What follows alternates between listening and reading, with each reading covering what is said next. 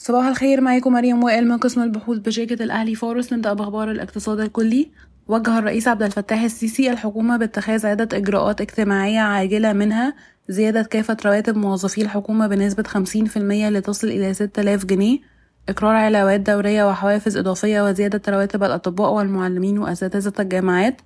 زيادة المعاشات ل 13 مليون مواطن بنسبة 15% زيادة معاشات تكافل وكرامة بنسبة 15% اختارت الهيئة العامة للاستثمار تحالفا إماراتيا للاستحواذ على مشروع تطوير قطعة أرض في منطقة راس الحكمة بالساحل الشمالي بقيمة 22 مليار دولار.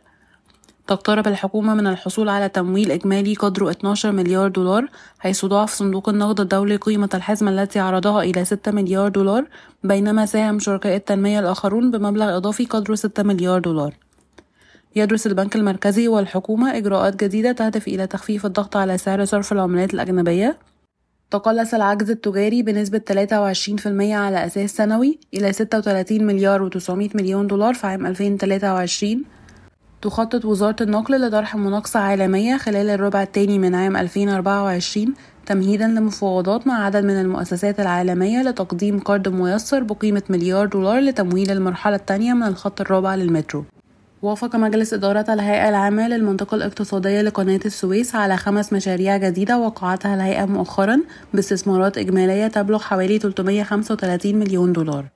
ننتقل لأخبار القطاعات والشركات. أصدر بنك كويدي أجريكول مؤشراته المالية للربع الرابع من عام 2023 صافي الربح مليار 354 مليون جنيه ودي زيادة 66% على أساس سنوي وزيادة 4% على أساس ربع سنوي. ليصل صافي الربح في عام 2023 إلى 5 مليار 166 مليون جنيه ودي زيادة 114% على أساس سنوي. يتم تداول السهم حاليا عند مضاعف ربحية العام 2024 5.6 مرة ومضاعف قيمة دفترية 1.8 مرة. تجري شركة سهولة للتمويل الاستهلاكي التابعة لبنك مصر مفاوضات مع تسع بنوك محلية للحصول على تمويل بقيمة 900 مليون جنيه لدعم محفظتها.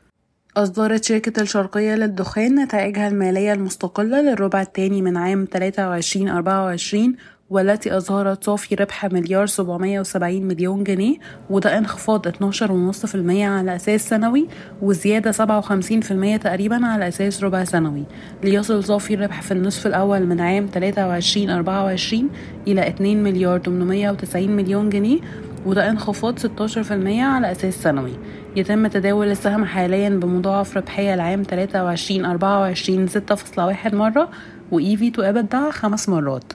سيتم طرح ستة محطات لتحلية المياه للقطاع الخاص في يونيو وستكون المحطات الستة هي المرحلة الأولى من خطة الحكومة لطرح 21 محطة. طرحت شركة وثبة للخدمات البترولية المملوكة بنسبة 50% لشركة القلعة مناقصة لبناء ستة مستودعات لتخزين وتجارة المنتجات البترولية بشرق القاهرة باستثمارات تبلغ حوالي 60 مليون دولار. ارتفعت صادرات مصر من الحديد والصلب بنسبة 65% على أساس سنوي إلى 2 مليار و330 مليون دولار في عام 2023 تعتزم الهيئة العامة للرقابة المالية خلال أيام منح شركة فوري للتمويل متناهي الصغر الرخصة النهائية لمزاولة نشاط تمويل المشروعات المتوسطة والصغيرة. شكرا ويوم سعيد.